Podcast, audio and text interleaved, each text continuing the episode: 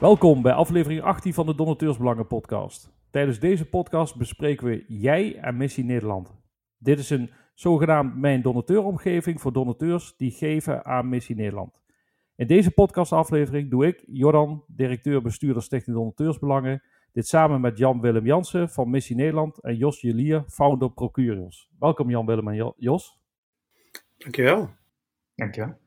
Uh, kunnen jullie aan de luisteraars vertellen wie jullie zijn en wat jullie in het dagelijks leven zoal doen? Uh, als het gaat om werk en hobby's. En wil jij hiermee aftrappen, Jan-Willem? Jawel. Um, nou, mijn naam is dus Jan-Willem. Uh, ik werk sinds een jaar of zeven voor Missie Nederland. En uh, daar werk ik als netwerkleider kerk en samenleving en als hoofdmarketing en communicatie. En uh, dat houdt in dat ik me bezighoud met ja, eigenlijk de promotie van de thema's die wij willen agenderen met onze alliantie. Um, en uh, daarnaast nou ja, ook alle marketingkant daarvan. Dus om te zorgen dat we dat ook kunnen doen. Um, en daarnaast doe ik netwerk Leider Kerk en Samenleving. We zijn namelijk een netwerkorganisatie. En daarom ben ik dus met de partners in het netwerk aan het kijken naar maar wat gaan we de komende jaren um, doen. Om de kerk te helpen leven te brengen in de samenleving. En is dat ook de missie van Missie Nederland? Klopt, onze missie is om, uh, om, om betrokken kerkleden uh, elke keer een volgende stap aan te bieden bij het brengen van leven in de wereld. Oké, okay. en hobby's? Uh, mijn hobby's, uh, ik hou van dans. dat is een hobby voor mij. Ik hou ook van spreken en schrijven. dat soort dingen. Gewoon een beetje de creatieve hoek. hoek. Ja, hoe zit dat bij jou Jos? Qua werk en hobby's?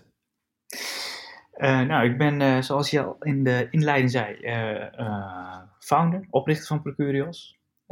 nu ruim 20 jaar geleden. Ehm, en vandaag de dag ben ik vooral bezig nu met een stukje management en strategie vooral. aangezien ik ook het management aan het overdragen ben aan een nou, vrij jong managementteam nog. dat gaat heel goed, daar ben ik ook heel blij mee dat is eigenlijk wat ik in het dagelijks leven doe. Ja, en qua hobby's, dat zijn er best veel. Ik, ben, ik sport graag. En als het waait, dan, dan ben ik op mijn surfplanken te vinden, windsurfen. als het niet waait, ben ik op de fiets te vinden of in de sportschool. En nou ja, ik, daarnaast ben ik getrouwd, vier kinderen. kun je ook heel druk mee zijn.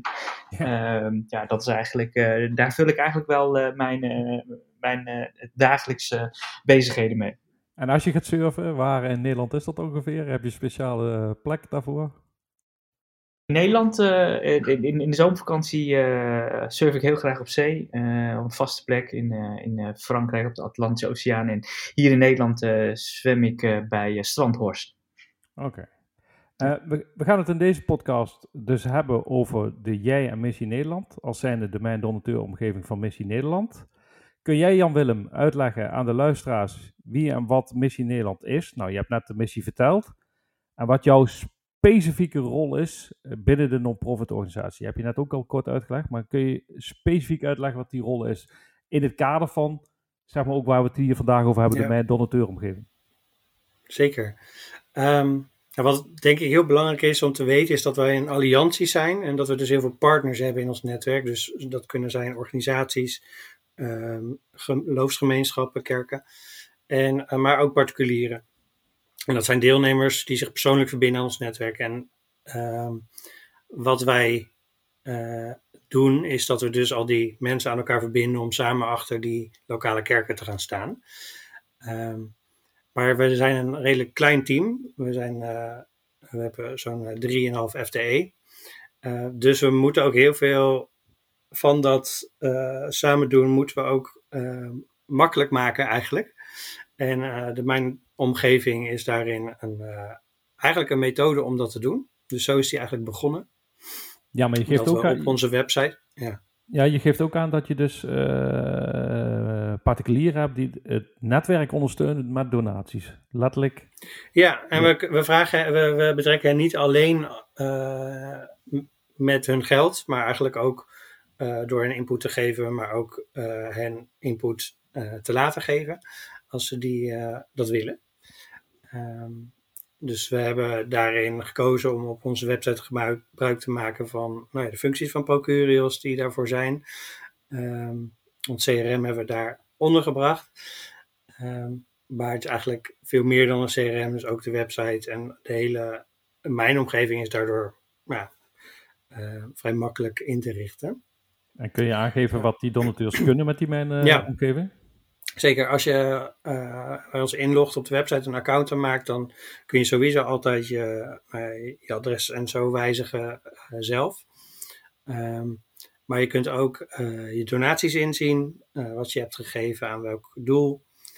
Um, je kunt dan een wijziging eventueel doorgeven als je dat zou willen.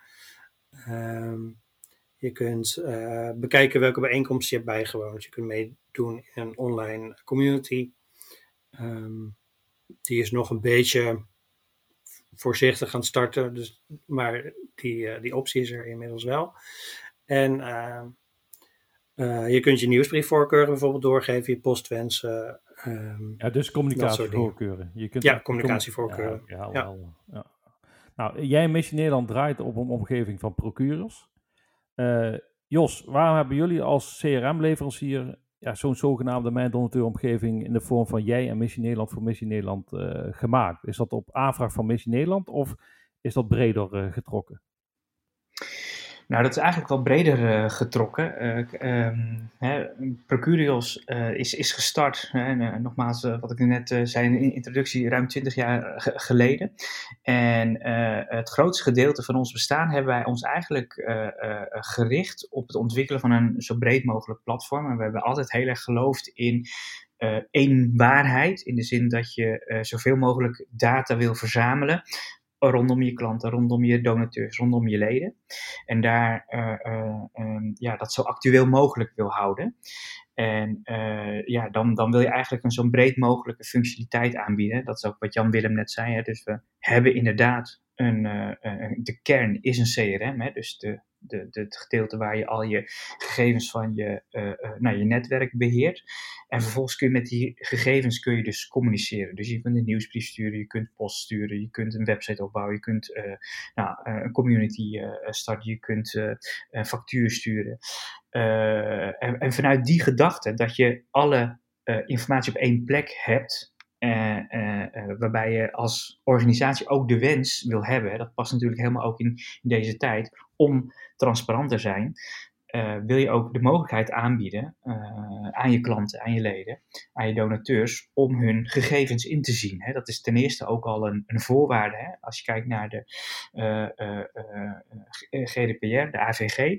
en, en het liefst wil je dat, dat ook interactief kunnen doen. Hè. Dus de mogelijkheid aanbieden uh, aan degene die inlogt om niet alleen hun gegevens in te zien, maar mogelijk ook aan te passen.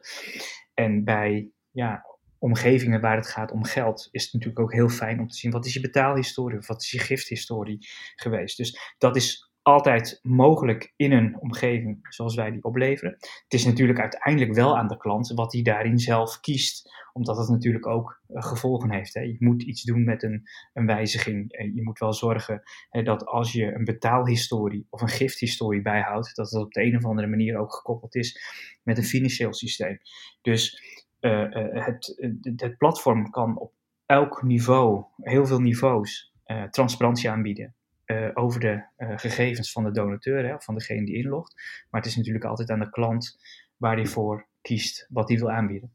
Ja, en kun jij Jan Willem uitleggen waarom jullie daadwerkelijk ervoor gekozen hebben om die functionaliteit dus openbaar te maken en aan te bieden aan je donateurs? Want wat hoop je daarmee te bereiken? Want ja, misschien kan ik nog als toevoeging daarop uh, vragen aan je. dus waarom hebben jullie ervoor gekozen om die omgeving daadwerkelijk openbaar te maken, zodat donateurs daarbij kunnen? Als we zien dat in de hele goede doelensector op dit moment er bijna geen goede doelen zijn die dit aanbieden. Jullie zijn echt een van de uitzonderingen. Ja, dat, dat laatste vind ik wel bijzonder om te horen. Want uh, voor mij was het eigenlijk echt een no-brainer om, om deze optie gewoon aan te bieden. Maar dat is ook omdat die gewoon beschikbaar was. Dus ik hoefde nu niet zelf al te investeren in het hele bouwen van een. Uh, nou, in ieder geval in het in de codekant in ieder mhm. geval. Uh, kijk, ik moest hem natuurlijk alsnog inrichten. Maar als de optie al beschikbaar is, dat, dat scheelt natuurlijk al heel veel. Kijk, het begon bij ons met dat wij de behoefte hadden om profielgegevens te kunnen aanpassen. Mensen, hebben, mensen of organisaties hebben een publiek profiel op de website. Daarom hebben we ooit een inlog aan de website gegeven en ook het registreren voor evenementen gebeurde dan op die manier. Uh, toen we in 2019 onze website eigenlijk ja, en het CRM helemaal opnieuw gingen inrichten, toen kwam ik eigenlijk gewoon erachter dat de optie er was om die donaties ook in, uh, daar ook inzage in te geven. En uh, ja, dat was eigenlijk een beetje ontstaan vanuit een beetje spelen van, oh, wat kan ik allemaal met dit systeem? Um, hey, dit is eigenlijk best wel tof dat we dit kunnen bieden aan, aan klanten. En het andere stuk, um, als het gaat over communicatievoorkeuren en zo, dan is het ook een stukje gemak voor ons. Want als mensen het zelf kunnen aanpassen, dat scheelt heel veel mailtjes. Ja, juist, juist die dan ook onvolledig zijn soms met uh, niet alle informatie uh, om iemand te vinden in CRM. En dan moet je weer heen en weer gaan mailen. In die zin proberen het zo ook makkelijker te maken. Juist, en ook met een beperkt team, zoals je net aangaf, is dat ja. natuurlijk ook heel erg fijn als uh, ja, de gegevens door de persoon zelf uh, beheerd worden. Ja. Maar, maar Jos, uh, begrijp ik het goed dat jullie dus als een CRM-leverancier zelf alles met betrekking tot de mijn donateuromgeving al ingebouwd hadden in de oplossing, zonder dat de vraag daadwerkelijk vanuit jullie klanten gekomen was? Want dit, dit, ja, horen, wij, dit horen wij niet 1, 2, 3 bij andere CRM-leveranciers. Die geven gewoon aan, wij bouwen alleen op basis van de aanvraag van klanten. Punt. Dit zit natuurlijk heel erg in de filosofie hoe wij ons platform hebben uh, gebouwd, hebben ont ontworpen en uh, ontwikkeld. Omdat je idealiter één waarheid hebt rondom je klanten. En met één waarheid bedoel ik dus dat je altijd op de meest actuele gegevens zit. Uh, voor iedereen die uh, uh, in de organisatie die daarmee te maken heeft, inclusief de persoon die inlogt, hè, de donateur zelf. Dus vanuit die filosofie is die functionaliteit ook standaard beschikbaar. Nou is het natuurlijk wel een, een, een, een leuke combinatie. Dat Jan Willem zelf nieuwsgierig was, hey, wat kan er allemaal? Hè? Ze zeiden net zelf al, ik ben er een beetje mee gaan spelen. Dat is eigenlijk ook ja, wat je eigenlijk ook als, als gebruiker zou moeten doen. Hè? Wat is er allemaal mogelijk? Tegelijkertijd met de, de visie, hè? Wat, hoe bedien ik mijn klant of mijn donateur daarmee? Maar ja, inderdaad, het korte antwoord is het standaard in, in het platform. om dat te kunnen aanbieden. Ja, en je gaf dus ook aan dat het is aanwezig, maar het is ook, als je het activeert, moet je daar natuurlijk ook wel goed mee aan de slag gaan als organisatie. Ja. Um, begrijp jij waarom er eigenlijk zo weinig goede doelen in Nederland zijn die op dit moment zo'n mijn donateuromgeving aanbieden? En waarom er dus nog veel goede doelen niet zo'n mijn donateuromgeving hebben?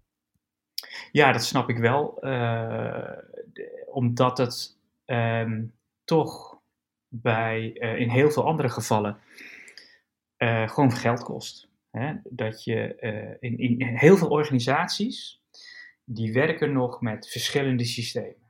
Dus ze hebben een aparte websiteomgeving, apart CRM, apart systeem om, om, om mailings te doen, apart systeem om giften te innen.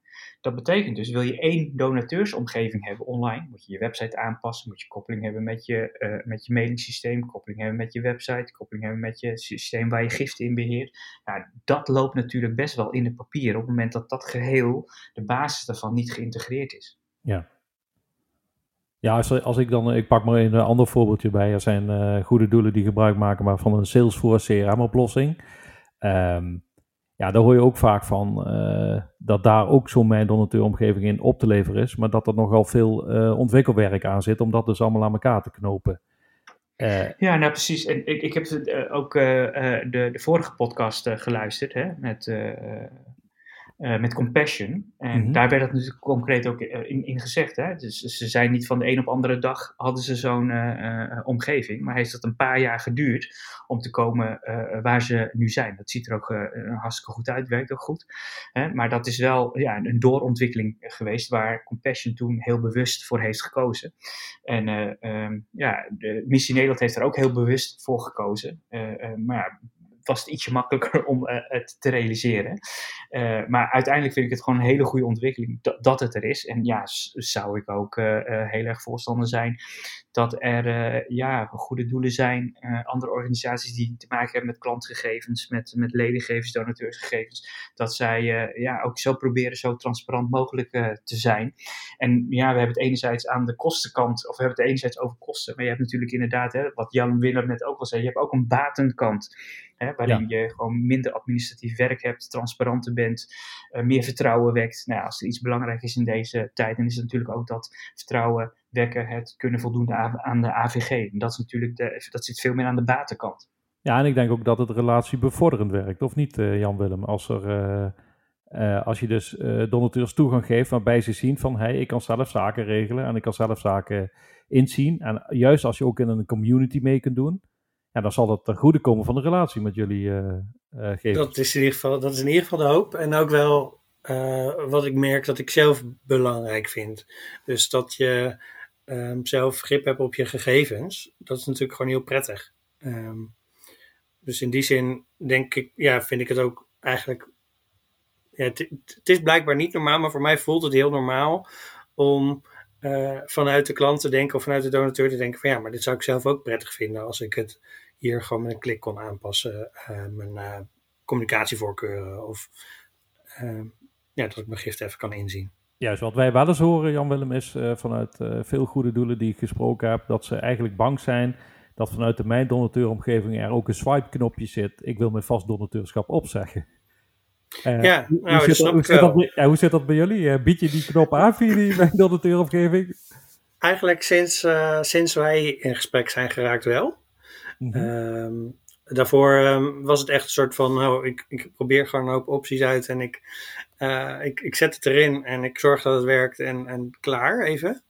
En sinds, nou, sinds ik hier voor uitgenodigd werd en de podcast met Compassion ook luisterde, dacht ik, oh, maar de optie om je gift aan te passen, die staat er nog niet bij. Dus die ben ik toen ook gaan inrichten. En daar zit de optie om stop te zetten ook gewoon bij. Mm -hmm. Tussen de optie van, hey, ik wil mijn gift aanwijzigen of stopzetten. Nou, dat je kan zeggen, hey, ik wil hem verhogen, ik wil hem verlagen of ik wil hem stopzetten of de frequentie aanpassen. Ja, nou um, zijn jullie niet ja. bang voor dat dat gaat gebeuren? Nee, ja, en sowieso, ik, kijk, weet je, uh, ik geloof heel erg in dat je moet gaan met de mensen die willen gaan. En als mensen niet willen, ik, ik, dan moet je ze ook niet manipuleren om, om maar uh, ja, om ze een beetje stiekem binnen te houden. Um, als je gelooft in je missie, in je visie, in, in wat je doet, dan moet je dat volgens mij ook gewoon durven. Want uh, dan, ja, als je allemaal achterdeurtjes dicht gaat zetten, tenminste, je hoeft ze ook niet wagenwijd open te zetten, zo van kom allemaal naar buiten. Tenzij dat je doel is dat mensen de straat op gaan. Maar um, uh, ja, als jij gelooft dat mensen binnen willen blijven uh, en je werkt gewoon aan je relatie en die zorgt dat mensen willen blijven, dan is er niks aan de hand als, als de optie van de achterdeur, als die gewoon te vinden is. Juist. En um, houden jullie ook bij wat het gebruik van de donateuromgeving is? En zien jullie of daar uh, meer gebruik van gemaakt gaat worden? Zijn dat gegevens die je ook analyseert om te zien of het vaker dan voorheen benut wordt? Nee, nee ja, weet je wat, daar kom ik eigenlijk gewoon niet aan toe. Om, okay. uh, om, om op die gegevens te gaan zitten. Nee. nee wij, ik, ja? ik ben dus wel heel benieuwd naar wat er nu gaat gebeuren nu ik die formulieren extra heb toegevoegd om ook je gift zelf te wijzigen. Of je, ja, want eigenlijk met die gifwijziging bied je dus flexibel doneren aan. Om flauw, uh, ja, niet flauw gezegd, letterlijk, het is flexibel doneren. Je kunt dus iedere maand als je wil je bedrag aanpassen. Dat zou kunnen. Het werkt nu nog wel dat, dat iemand daar wel tussen zit en iets moet doen. Mm -hmm. uh, ik heb nog niet ontdekt of niet, hoe, hoe ik dat zou kunnen doen, dat het ook automatisch in het systeem verandert. Uh, maar op zich vind ik het ook wel goed dat daar wat controle op zit. Juist, maar ik als donateur ehm. kan dus zeggen van ik geef een tientje per maand ja. en ik kies ervoor om er nu 6 euro per maand te geven vanaf een bepaalde datum. Ja, ja en dan, zit, dan, dan vermelden we daarbij van hey, het kan zijn dat de incasso badge net verstuurd is. Dan in dat geval moet, je, uh, nou ja, moet je of zeggen ik wil hem storneren uh, of ehm, erop vertrouwen dat de volgende keer wel goed gaat. Juist, en, en je geeft ze aan, het is nog niet helemaal geautomatiseerd, maar dat betekent dat iemand van jullie verwerkt dat En vanaf die volgende incasso-badge wordt dus dat nieuwe bedrag geïncasseerd. Dus ik kan ook een Ja, en dat is dus in het geval van giften inderdaad. Juist. En stel je past je adres aan, dan is het gewoon per direct in het CRM aangepast. Ehm, en de volgende verzendlijst die gemaakt wordt, gaat gewoon een nieuw adres mee. Oké, en is er, is er ook nog iets wat jij mist in de Jij en Missie Nederland omgeving, wat je nog graag toegevoegd zou willen zien worden? Ehm, nou, um, dat weet ik eigenlijk nog niet. ik vind het al ik denk dat, dat als ik eh, een stap verder zou willen zetten, dat ik dan gewoon even zou gaan kijken naar de styling van, van de donatiemodule en dat soort dingen die daarin zit. Um, want dat kun je dus natuurlijk per als klant kun je dat customizen, zeg maar, uh, naar je mhm. eigen uh, smaak. Nou, dat soort dingen. Ik, ik heb er dus geen grote investeringen in gedaan.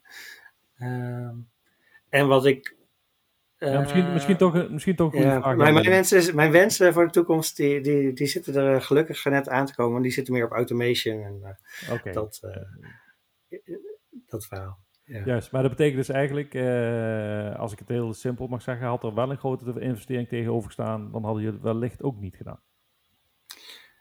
Dan had dat niet onze hoogste prioriteit geweest, nee. Oké, en nu, nu, nu dit actief is, uh, breng je hiervan de gevers op de hoogte, of niet alleen de gevers, maar ook gewoon iedereen die verbonden is aan jullie organisatie via de nieuwsbrief bijvoorbeeld, van wil je iets aanpassen, klik hier voor de Jij en Missie Nederland omgeving. Dus wordt de Mijn Donateur omgeving nu ook uh, proactief gecommuniceerd naar donateurs? Uh, nou, dat is af en toe. Ehm, en op de pagina's bijvoorbeeld waar ehm, nou, op de contactpagina staat altijd ook, hey, je kunt ook zelf je, als je ingelogd bent, kun je dit of dat soort dingen. Ehm, en, en ik denk dat nu um, in de komende tijd dat zeker wel ook wat vaker weer onder de aandacht zal brengen, omdat ik er nu dus weer, ja, eigenlijk weer extra bewust van ben. Uh, van hoe bijzonder het eigenlijk is dat we het hebben. Ja, inderdaad. Maar goed, dan moet, mensen moeten het dan wel weten. En ik moet eerlijk zeggen, dus de, de aanleiding van die omgeving is ooit geweest. De deelnemers die meedoen met het netwerk, uh, om, om daarvoor uh, te zorgen. Mm En het, het stukje uh, aan de geefkant, dat is erbij gekomen. Um, en dat andere stuk van het oh, pas zelf je profiel aan en voeg agenda items toe op de website, doe mee in de community. Dat communiceren we regelmatig. Oké, okay, helder. Uh, en uh, hoe werkt eigenlijk het toevoegen van nieuwe functionaliteit uh, aan de omgeving die jullie als procureurs aan jullie klanten aanbieden, Jos? komt dat vanuit de klant dus met een specifieke vraag? Of geldt dat jullie zelf ook nog steeds zeggen van wij zien nieuwe ontwikkelingen en wij denken en wij vinden dat je dit eigenlijk moet kunnen aanbieden aan je klanten? Oftewel, in jullie geval dus de goede doelen. Ja, ik, het is beide. Hè? Je, ehm, ik uh, uh, kan me nog herinneren dat ik ooit heb gelezen over uh, meneer Henry Ford. Dat hij zei, als ik mijn klanten had gevraagd wat ze zouden willen, dan zouden ze, hadden ze gezegd van snellere paarden. maar waar het dus uiteindelijk om gaat, hè, is dat je enerzijds als leverancier weet wat technologie kan en welke kant je op wil. Hè? Want als procureurs hebben we een heel duidelijke visie waar het naartoe moet met, met, uh, met, met ons pakket. Hè. Dus we denken heel erg aan die één waarheid. Maar ja, wat Jan Willem net ook eh, net zei, automation, dat is nog een, een gedeelte wat we heel graag eraan toe uh, willen voegen. Werkt denk ik ook heel interessant met het kunnen aanpassen van je gift. Ja, want dan zou je een campagne kunnen opzetten met een, een, een, een mailing uh, uh, erachter, waarbij je mensen oproept om bijvoorbeeld hun giften te verhogen, waar, je door, ja, door middel van automation ervoor kunt zorgen dat het ook daadwerkelijk hun gift wordt verhoogd, dat ze eerst een verhaal lezen op de website en dan op die giftpagina alsnog komen. Um, maar je luistert natuurlijk ook aan klanten waar ze tegenaan lopen. En uh, ik moet ook wel eerlijk zeggen, Jordan, dat jij een van degenen bent geweest die ook uh, uh, ons wel heeft getriggerd hierop. Dat er eigenlijk zo weinig goede doelen hier echt gebruik van maken. En het is ook wel heel mooi, hè? Jan Willem bevestigt dat, dat het in ons geval heel weinig kost. Hè? Dus het zit er standaard in. En waar je eventueel wat aan uit zou moeten geven, dat is een klein beetje styling, een klein beetje inrichting misschien. maar als je zo handig bent als Jan Willem zelf, dan, dan kun je zelf dus ook een heleboel doen. dus dat is nog wel een extra ding om we hebben best wel wat goede doelen als klant. Om uh, binnen ons eigen netwerk van goede doelen, uh, netwerk van klanten, dat ook nog eens extra onder de aandacht te brengen. Omdat ik er echt in geloof dat op het moment dat je in deze tijd werkt aan je, aan je transparantie, dat dat ook bijdraagt aan de gehele digitale transitie die je als organisatie inzet. Hè? Omdat je, je donateurs, je klanten eigenlijk niet anders verwachten dat je daarin meegaat en dat je dit dan ook aanbiedt, wat ook extra vertrouwen schenkt. En wat uiteindelijk je ook gaat helpen, nogmaals in die digitale transitie, omdat het je ook gaat helpen in een stuk automatisering van verwerken van gegevens. Het zijn een aantal voordelen op een rij die je daar zomaar als het ware in ieder geval vanuit ons platform er gratis of, of tegen weinig kosten erbij krijgt. Ja, wij denken zelf ook als Stichting Donateursbelangen aan de jeugd, zeg maar. Uh, de jongeren die groeien op met apps op hun telefoon. Overal hebben ze een profiel. En ze weten gewoon als ze op het profielplaatje klikken dat ze dus bij hun gegevens komen. Ja, en dat zijn de, de jongeren zijn de, de, de donateurs van de toekomst, zeg maar. En als je ja, die jongeren in de, in de komende tijd niet die mogelijkheden aanbiedt, zou het zomaar kunnen zijn dat die jongeren zeggen van hé, hey, ik kan niks zelf regelen, ik moet met de telefoon iets regelen. Terwijl je bij jongeren al de angst ziet ontstaan om überhaupt de telefoon te gebruiken om een telefoontje te plegen. En zeker, zeker. ja. Ja, en hoe mooi zou het zijn hè, als, als, als uh, uh, de goede doelen, de organisaties die toch een heel duidelijk maatschappelijk doel hebben, die de wereld een stukje beter willen maken, dat gedeelte van transparantie, omgaan met klantgegevens, in ieder geval een, een, een, laten zien hoe het ook kan. Dat zou wel natuurlijk heel tof zijn.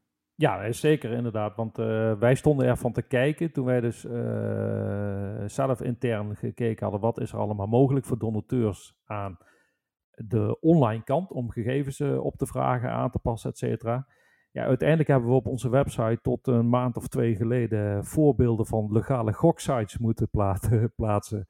Omdat ja. alleen de Unibet en de Bad Cities daadwerkelijk klantgericht ook gegevens lieten beheren, even los van de reclame die ze maken, en waardoor heel Nederland misschien gokverslaafd wordt.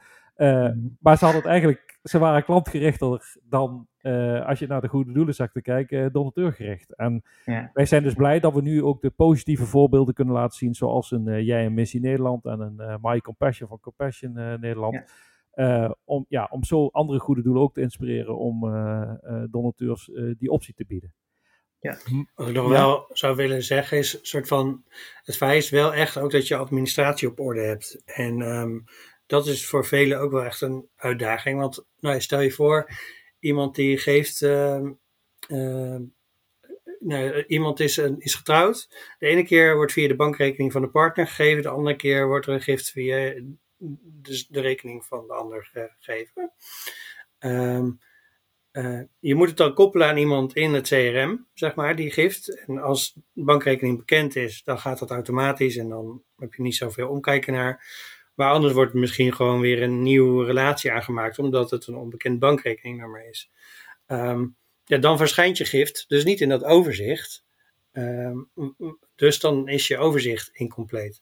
Dus ja. maakt wel dat je echt op moet letten ook van hey, hoe, hoe, hoe zit dat? Zeg maar, hoe zitten die relaties? En Um, willen mensen dan een familieaccount of willen ze gewoon per persoon een account? Dat is soms best een uitdaging om dat goed op orde te krijgen. Dus zeker als je een wat groter doel bent met heel veel relaties, uh, kan ik me ook wel voorstellen dat dat een drempel is. Ja. ja, dat is zeker waar, uh, Jan Willem. Dat, dat kost absoluut uh, moeite en soms is dat inderdaad lastig. Aan de andere kant, hè, ook als je dan naar de buitenkant gaat kijken, hoe waardevol is het dat je weet dat die ja. personen een huishouden delen? Uh, ook voor, voor je fondsenwerving. Hè? Want wij komen het ook nog best wel eens tegen, juist precies deze vraag: hoe regel je dit goed in? om te voorkomen dat je ergens een. een een giftvraag naartoe stuurt, terwijl ze de andere, de, de partner hè, of iemand binnen dat huishouden al lang iets heeft gegeven. Hè, dat soort zaken los je daar wel in één keer mee op. Ja, maar dat de administratie op orde moet zijn, uh, daar heb ik nog wel een leuke anekdote over. uh, ik ben zelf IT'er geweest natuurlijk en heb voor uh, computerdistributeurs gewerkt. En toen ik in, even denken, 1997, dus nu 26 jaar geleden begon bij de eerste bedrijf waar ik voor ging werken, uh, gingen we iets online mogelijk maken voor klanten. En dat was dus dat ze zelf hun gegevens konden inzien en wijzigen, waaronder hun e-mailadres. Alleen er waren uh, salespersonen, uh, dat was allemaal telesales, die dus in het e-mailadresveld hadden ingevuld: dit is een young klant, niet opnemen. Maar ja, dan zet je jouw uh, online omgeving uh, open voor een e-mailadres en die klant logt in en die ziet, hé, hey, ik kan mijn gegevens aanpassen. En die ziet opeens bij zijn eigen, bij zijn, ja, bij zijn eigen account staan, dit is een young klant, niet opnemen. Ja, dit soort zaken kunnen ook gebeuren als je dingen aan de voorkant openzet als je de database niet goed gevuld hebt. Laten we dat uh, als een mooi voorbeeld uh, aanhalen. Jullie waren wel heel transparant, Jordan. Dat ja, moet je wel toegeven. Dat, uh, ja. dat is zeker zo. maar, maar, ik denk ook dat er heel snel, hoe heet dat, die administratie wel op orde was. ja, precies. dus, maar zo zie je inderdaad bij dingen openzetten naar de buitenwereld kunnen uh, ja, onverwachte dingen gebeuren. Maar als ik dat, daar dan iets serieus op mag zeggen, is het gaat dus uiteindelijk ook echt om wat is jouw hartsgesteldheid als fondsenwerver? Um, ben jij de, handel je vanuit angst of eigen gewin? Of of jouw, zijn jouw targets zeg maar leidend? Mm. En is de relatie dat niet, dan, dan krijg je dus dit, kun je dit soort problemen krijgen. Terwijl als jouw houding ten opzichte van je klant is: hey, jij, wij zijn samen weer in this together. Um, ja, dan geloof ik dat je veel meer kan bereiken. Nou, wat je nu zegt, Jan-Willem, is wat we vaak constateren. Uh, als je aan goede doelen vraagt en binnen fondsenwerving en fondsenwervers vraagt, zijn jullie donateur gericht? Dan is eigenlijk standaard het antwoord ja. Maar als je dan op inzoomt, dan blijkt dat de perceptie van donateur gericht zijn van de kant van het goede doel vaak is de loyaliteit van de donateur, hoe lang die een donateur is, et cetera, en of die blijft geven. Maar dan wordt het niet gekeken hè, vanuit de kant van de donateur, vanuit het donateursperspectief. En daar staan ze helemaal niet bij stil, dat een donateur ook zelf misschien iets wil kunnen regelen, of via zelfservice zaken wil kunnen regelen. En uh, vaak wordt donateur gericht zijn, naar mijn mening, uh, ja, een beetje verkeerd uitgelegd omdat het meer bij don donateur loyaliteit hoort. Omdat ze kijken vanuit de donateur loyaliteit kant. Um, misschien nog wel een vraag, uh, Jan-Willem. Uh, Jos heeft uitgelegd van we kijken vanuit één systeem waar alles in zit. Geldt dan dat er helemaal geen integraties zijn aan de kant van de oplossing die jullie gebruiken? Ik kan me dat als een IT ook bijna niet voorstellen. Nou, wij hoeven heel weinig linkjes te maken. Wij maken één link naar het boekhoudpakket. Uh, want de facturatie doen we in het systeem. En die kunnen dus zeg maar gewoon gekoppeld worden aan, aan de klant in CRM. Mm -hmm. uh, en, ehm, maar daar is een linkje. Maar voor de rest e-mail, online community, website, inlog kant van de website. Alles zit in hetzelfde systeem. Ja, dus eigenlijk ja. wat je zegt, heb je inderdaad maximaal twee, drie lijntjes naar andere systemen liggen. Ja, één. Eentje, dus echt een boekhoudprogramma. En dan moet ja. ik dat ontzien uh, als we technisch worden, als zijn uh, MTU 49 bestanden downloaden die dan geautomatiseerd verwerkt worden, dat soort zaken? Uh, Jos, weet jij dat? Ja, het is, het is allemaal, het, is beide mogelijk. Hè. Je, je kunt in ons systeem ervoor kiezen om het uh, gewoon uh, uh, handmatig te doen. Hè. Bij sommige, wij leggen ook altijd uit bij kleinere organisaties, waarbij je niet zeg maar op het uur op de hoogte hoeft te zijn van alle financiële cijfers. En het bij wijze van spreken gewoon één keer per week de transacties bijwerken prima is. Zeggen wij, joh, ga dat nou niet helemaal automatiseren en uitwerken in, in, in geautomatiseerde koppelingen. En doe dat gewoon één keer per week, want die kosten die je hebt voor het automatisch koppelen, die haal je er nooit uit. Uh, maar we hebben natuurlijk ook organisaties uh, die zeggen van ja, wij willen dat wel helemaal geautomatiseerd hebben. En dan, dan leg je daar gewoon een automatische koppeling. Dus dat kan beide kanten uh, op en alles wat ertussenin ligt. Ja, wat vaak nog een ondergeschoven kindje is, en daar ben ik eigenlijk wel nieuwsgierig naar hoe jullie daar ook naar kijken als Procurios. Um, Missie Nederland die zegt ja tegen een oplossing van een CRM-leverancier. En ik mag jullie misschien niet een CRM-leverancier noemen, maar er zit een CRM-stuk in natuurlijk in de oplossing. Um, en dan komt er dus een gedeelte openbaar via de website toegankelijk voor donateurs. Ja. Uh, hoe zit het met de security? Want eh, ik, zou, ik zou als Jan Willem en Missie Nederland zijnde allerlei vragen afvuren op procuros als zijnde van hoe hebben jullie dit geregeld, hoe hebben jullie dat geregeld. Ehm, hoe, hoe kijk je daarnaar? En misschien kan Jan Willem daar ook wel iets over aangeven van of die vragen ook gesteld zijn. Want ik denk dus dat veel goede doelen ook nog vaak nu uh, ja, die stap niet durven zetten, omdat ze bang zijn dat er dadelijk een datalek uh, gaat plaatsvinden. Ja, kijk, de, de, de zwakste schakel in, in dit soort zaken is nog altijd de mens. Hè? Dus uh, als je hiermee omgaat, dan adviseren we je natuurlijk altijd ook van voor tot achter van hoe je daarmee om moet gaan qua medewerkers, qua data. en, en ja, dan wordt dat aan de gebruikerskant wel een overzichtelijk verhaal, natuurlijk wel op voorwaarden, wat Jan Willem net ook zei. Uh, dat je wel zorgt voor of streeft naar een uh, goede datakwaliteit. Um, maar op het moment dat je daar de nodige aandacht aan schenkt, en hoef je echt niet het beste jongetje van de klas te zijn en al je data perfect op orde hebben, want bij welke organisatie uh, is dat wel zo? en, en ja, kun je samen ervoor zorgen dat je cybersecurity optimaal is. Cybersecurity is nooit alleen een kwestie van technologie. Hè? Want nee, nee, nee, uh, je hebt mensen die wachtwoorden instellen. Nou, daar kun je allerlei eisen aan stellen dat ze bepaalde uh, sterkte van wachtwoorden hebben. Je kunt het nog lastiger maken uh, om een, een, wachtwoord te hacken hè? met multifactor authentication. Hè? Dat, je, dat je ook nog een ander apparaat of een ander middel nodig hebt om, om, om in te loggen. Dus er is een hele range van cybersecurity maatregelen. Uh, uh, die je kunt nemen, beginnend uh, van advies tot en met implementatie van technische maatregelen met betrekking tot inloggen. ja, en technisch ja, is dat natuurlijk een van de belangrijkste aspecten binnen ons bedrijf waar we aandacht aan besteden om te zorgen dat die data altijd klopt, maar ook dus goed beschermd is. Ja, maar eigenlijk als je er simpel naar kijkt, geld uh, als ik het goed begrijp zoals je het uitgelegd hebt, cybersecurity zou nooit een belemmering mogen zijn of een uh, hobbel mogen zijn om te zeggen nee, we gaan iets niet online brengen. Uh, want je hoort dat eigenlijk als organisatie en dan degene die de techniek levert, gewoon goed op de rit hebben, toch?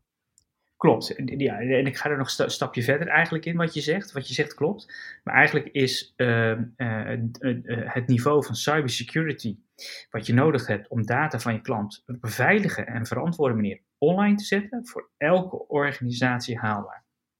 Ja, en dan nog geldt natuurlijk, je kunt nooit 100% garanties bieden.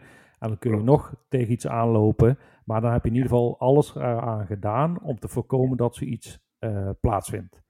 Ja, het is, het is eigenlijk net zoals hè, met, fietsen zo. Eigenlijk moet je zorgen dat jouw fiets altijd net even beter op slot staat dan, dan de fiets ernaast. Dat, dat, dat is gewoon, uh, ja, en, en daar, daar, daar zorg je samen voor met de klant. Ja, en ik denk ook wel goed om, uh, om te testen.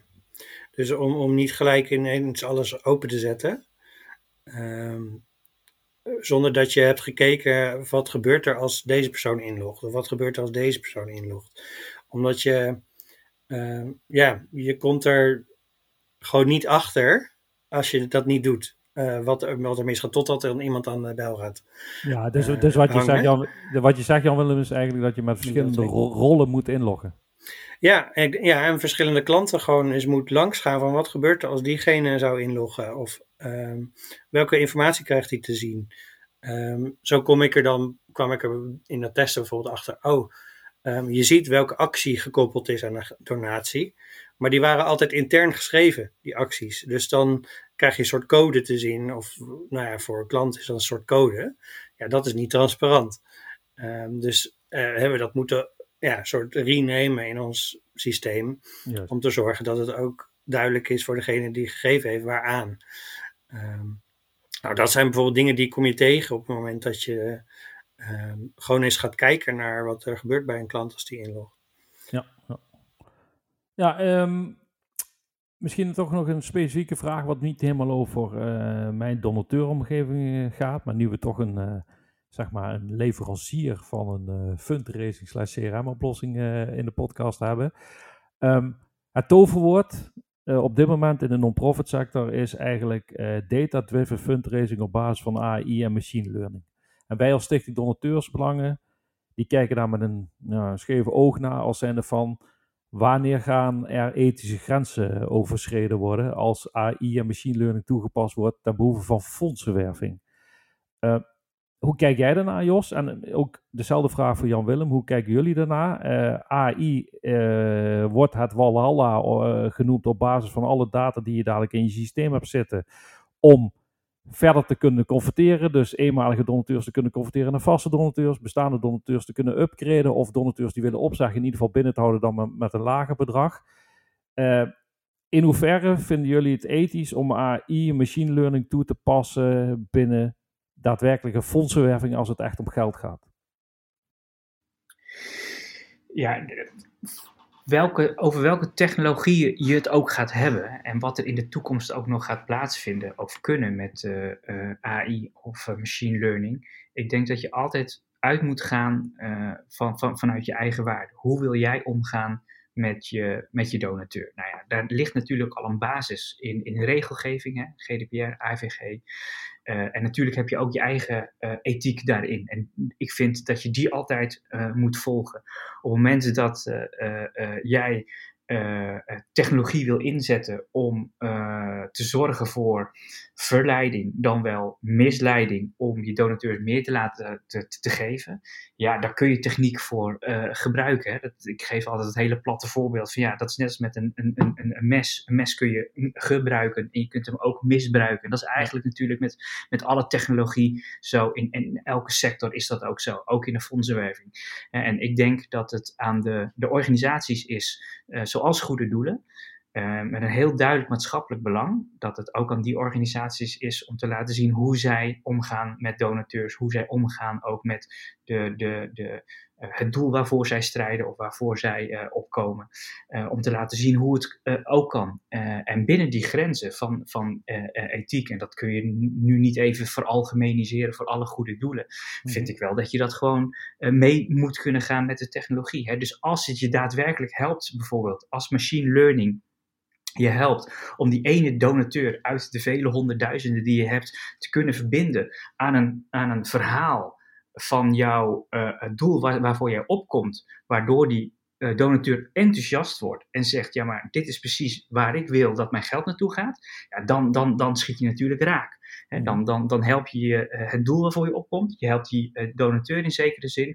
Uh, en, en dan is het, nou, om maar weer het populaire woord te gebruiken, een win-win situatie. Maar daar moet je wel altijd naar streven, binnen de ethische grens waar je zelf als goede doel voor staat. Plus, nogmaals daarin ook, wat ik vind, dat je daarin moet bedenken, vind ik, als goed doel, dat je daar ook een maatschappelijk voorbeeldfunctie hebt. Ja, hoe kijken jullie daarnaar, Jan-Willem? Of misschien in dit geval, hoe kijk jij er zelf naar?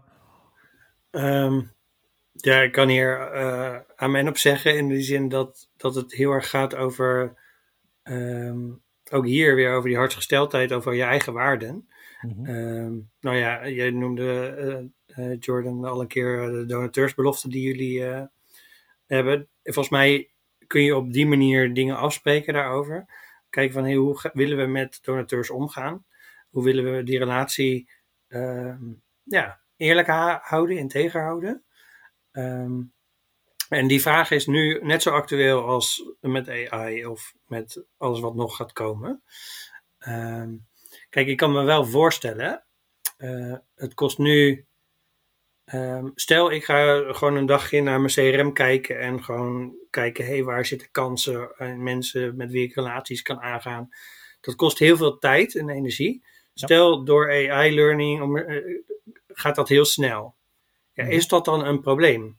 Dat, dat vraag ik me af of dat een probleem zou zijn. Nee, hoeft hoef, hoef, hoef zeker niet per se. maar hoe ga ik daar dan vervolgens mee om? Zeg maar, kijk, um, als het gaat om manipulatie of, of, of mensen een soort van, ja, ergens vastbinden in een bepaalde fuik of zo, ja, dan zou ik daar moeite mee hebben. Ja, ehm, ik kan, misschien uitleggen hoe, ik kan misschien uitleggen hoe wij dat in die donateursbelofte gegoten hebben, zeg maar. Mm -hmm. We hebben een donateursbelofte die eigenlijk aangeeft, uh, ik als donateur heb het recht om te weten wie de G-vraag stelt. En dat is een hele simpele belofte, maar door die belofte kun je eigenlijk alles wat in de toekomst gebeurt vangen onder die noemer. Want stel, er is een chatbot die je aanspreekt, of in de toekomst een video met uh, de stem van een bekende Nederland, met zelfs zo'n AI gegenereerde Nederlander, met deepfake bijvoorbeeld, die dan helemaal jou toespreekt. Um, dan vinden wij dus, als je naar die uh, belofte kijkt, uh, de donateur heeft het recht om te weten wie die G-vraag stelt, dat daarbij staat, dit is een echt persoon of een uh, gecreëerd persoon, een fictief persoon. Nou, dat zal naar onze mening al bijna voldoende zijn om aan te geven van, een donateur weet op die manier dat hij in ieder geval door AI of een andere tool in de toekomst aangesproken wordt. En daarmee vang je al een hele hoop, denken wij. Klinkt wijs. Ja, ik, ik, had nog niet eens over nagedacht dat dat inderdaad ook uh, tot de opties inderdaad nu behoort.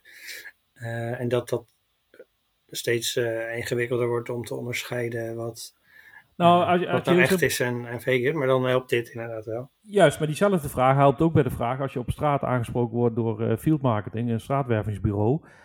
als jij weet wie de G-vraag stelt, dus hey, ik ben Jordan van...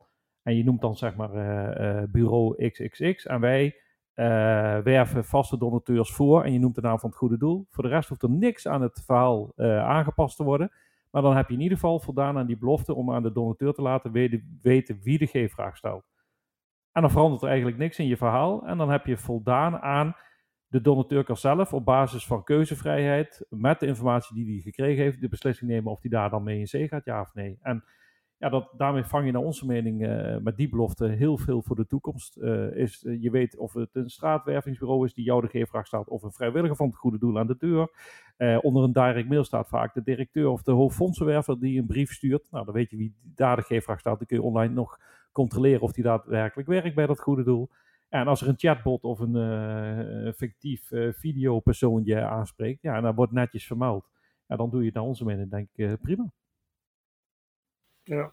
Dus, ja, um, Ik denk dat we voldoende doorgenomen hebben met betrekking tot uh, jij en Missie Nederland. Uh, is er nog iets specifieks uh, waar jullie het nog over willen hebben, uh, Jan Willem of Jos? Nou ja, ik, wat ik, waar ik wel in geïnteresseerd in ben, is wat, wat, wat de plannen van Procurious nog zijn op dit gebied, of, of, of hier nog ontwikkelingen in zitten aan te komen. Nou, specifiek uh, met, met, uh, op dit vlak uh, kunnen wij ehm, al, al veel meer dan wat, wat klanten gebruiken. daar gaan we ook zeker aan die kant ook nog wat aan doen om naar onze klanten te communiceren, om, hè, te vertellen wat ze daadwerkelijk ook nog aan de transparantiekant, aan die klant loginkant ermee kunnen doen. maar wij zullen ons de komende tijd vooral ook gaan richten om uh, het makkelijker te maken voor de fondsenwerver, voor de gebruiker van ons pakket, om de, de, de hoeveelheid data die uh, in ons platform uh, leeft, om die optimaal te kunnen gebruiken naar hun, ja, naar hun donateurs toe, om daar ja, de, de juiste dingen mee te doen, om zoveel mogelijk mensen in beweging te krijgen. Kun je daar een voorbeeld hiervan geven, Jos? Dat je zegt van dit nou ja, bijvoorbeeld data die interessant de, de is? Hele, populaire term uh, marketing automation. Mhm. en dat, ja, dat is, daar hebben wij nu een, een, een, een hele goede start meegemaakt. en dat gaan we in de komende tijd gaan we dat flink doorontwikkelen. ja, en dat, dat geeft natuurlijk ontzettend veel power aan, aan het hele platform. Dat nou, heel veel aspecten binnen ons platform ge, geïntegreerd zijn, onderdelen, zoals e-mail marketing, de, de, de website, um, uh, je hebt een community, uh, um, allemaal aspecten die je nodig hebt om te kunnen communiceren met je, je, donateur. Nou, en dan kun je dus heel makkelijk bijvoorbeeld een campagne starten waarmee je een, een mailing stuurt naar je, naar je achterban, hè, naar je donateurs. Nou, die kun je laten landen op je website. Daar kun je dan vervolgens informatie personaliseren en uitnodigen in de login-omgeving of in de mijn-omgeving. Eh, en op die manier kun je dus dan eh, ook uh, nou ja, zien wat, waar klanten geïnteresseerd in zijn. Nou, daar kun je eventueel een vervolgmail op sturen. En normaal gesproken zou je dat als fond, fondsenwerver ook willen doen. Alleen als we dat nu geautomatiseerd kunnen aanbieden, kun je dus eigenlijk gewoon veel meer donateurs met jouw boodschap bereiken. En ook binnen de grenzen van hun interesses, waar ze graag hun, hun giften voor ter beschikking stellen. Ja, en als ik, en als ik het goed in uh, schat, dan is het nu vaak zo dat je in dat soort systemen wat flows moet aanmaken om te bepalen wie wat, wanneer wat ontvangt. Ja. En dan zijn in die systemen meestal uh, gescheduled op bepaalde data, tijdstippen, wordt er iets uitgestuurd op basis van de campagne bijvoorbeeld, zoals je aangeeft. Maar als je naar het toekomstige werk kijkt, dan zou het zelfs kunnen zijn waar dus nu iemand de flow bepaalt op basis van ja, nee, ja, nee, ja, nee. En dan wordt er iets verstuurd. Uh, in een AI-tijdperk geldt eigenlijk dat een computer voor jou die keuzes gaat maken en gewoon on the fly uh, mails eruit gaat sturen die gepersonaliseerd zijn, als ik het goed inschat. Ja, dat is dan uh, de, de, volgende stap. Hè? Want, als organisatie wil je hier natuurlijk ook van leren. Hè? Zowel aan de leverancierskant als aan de gebruikerkant. Van uh, wat zijn nou flows die werken en hoe, hoe moeten we dit in een volgende iteratie, in een volgende automatiseringsslag gaan automatiseren. Ja. Nou, Oké, nou, ik wil jullie, Jan Willem en Jos, hartelijk danken voor jullie uitleg met betrekking tot jij en Missie Nederland. En uh, ik wens jullie allebei veel succes bij uh, datgene wat jullie doen. Dank voor de uitnodiging. Leuk om hier te zijn. Zeker. De Donateursbelangen podcast edities bestaan uit gesprekken over onderwerpen die spelen in de non-profit sector in Nederland. Voor meer informatie of eerdere afleveringen ga naar donateursbelangen.nl slash podcast. Wil jij of jouw organisatie een bijdrage leveren omdat jullie een, een interessant onderwerp hebben met betrekking tot de non-profit sector en donateursbelangen in het bijzonder? Neem dan contact met ons op. En uh, tot de volgende Donateursbelangen podcast aflevering.